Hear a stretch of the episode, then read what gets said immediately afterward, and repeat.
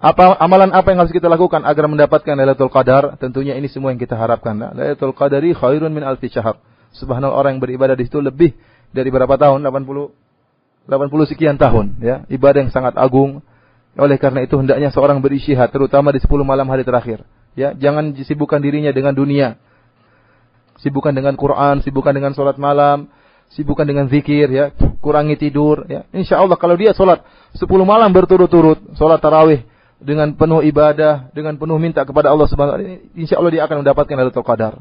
Subhanallah kemudian dia memperbanyak doa, Allahumma innaka afuwun tuhibbul afwa fa'fu anni. Ya Allah, sungguhnya Engkau Maha Pengampun.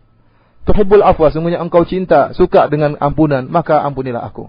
Subhanallah, seorang diajarkan Rasulullah SAW tatkala mendapatkan Lailatul Qadar untuk minta ampun kepada Allah Subhanahu wa taala.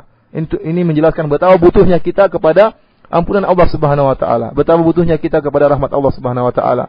Terlalu banyak dosa yang telah kita lakukan, terlalu banyak kita tenggelam dalam apa lautan dosa dalam setahun penuh ini. Kesempatan bagi kita di bulan Ramadan untuk minta ampun kepada Allah Subhanahu wa taala. Jadi caranya ya berdoa kepada Allah Subhanahu wa taala, minta agar diberi rezeki apa namanya dianugerahi kemudian untuk mendapatkan Lailatul Qadar. Kemudian semangat dalam melakukan ibadah terutama pada 10 malam yang terakhir. Berbanyak sholat, berbanyak doa, kemudian berbanyak zikir, berbanyak baca Quran. Itu saja insya Allah uh, Allah akan dia akan pasti akan mendapatkan Lailatul Qadar. Cuma tatkala mendapatkan Lailatul Qadar, bagaimana kondisi dia?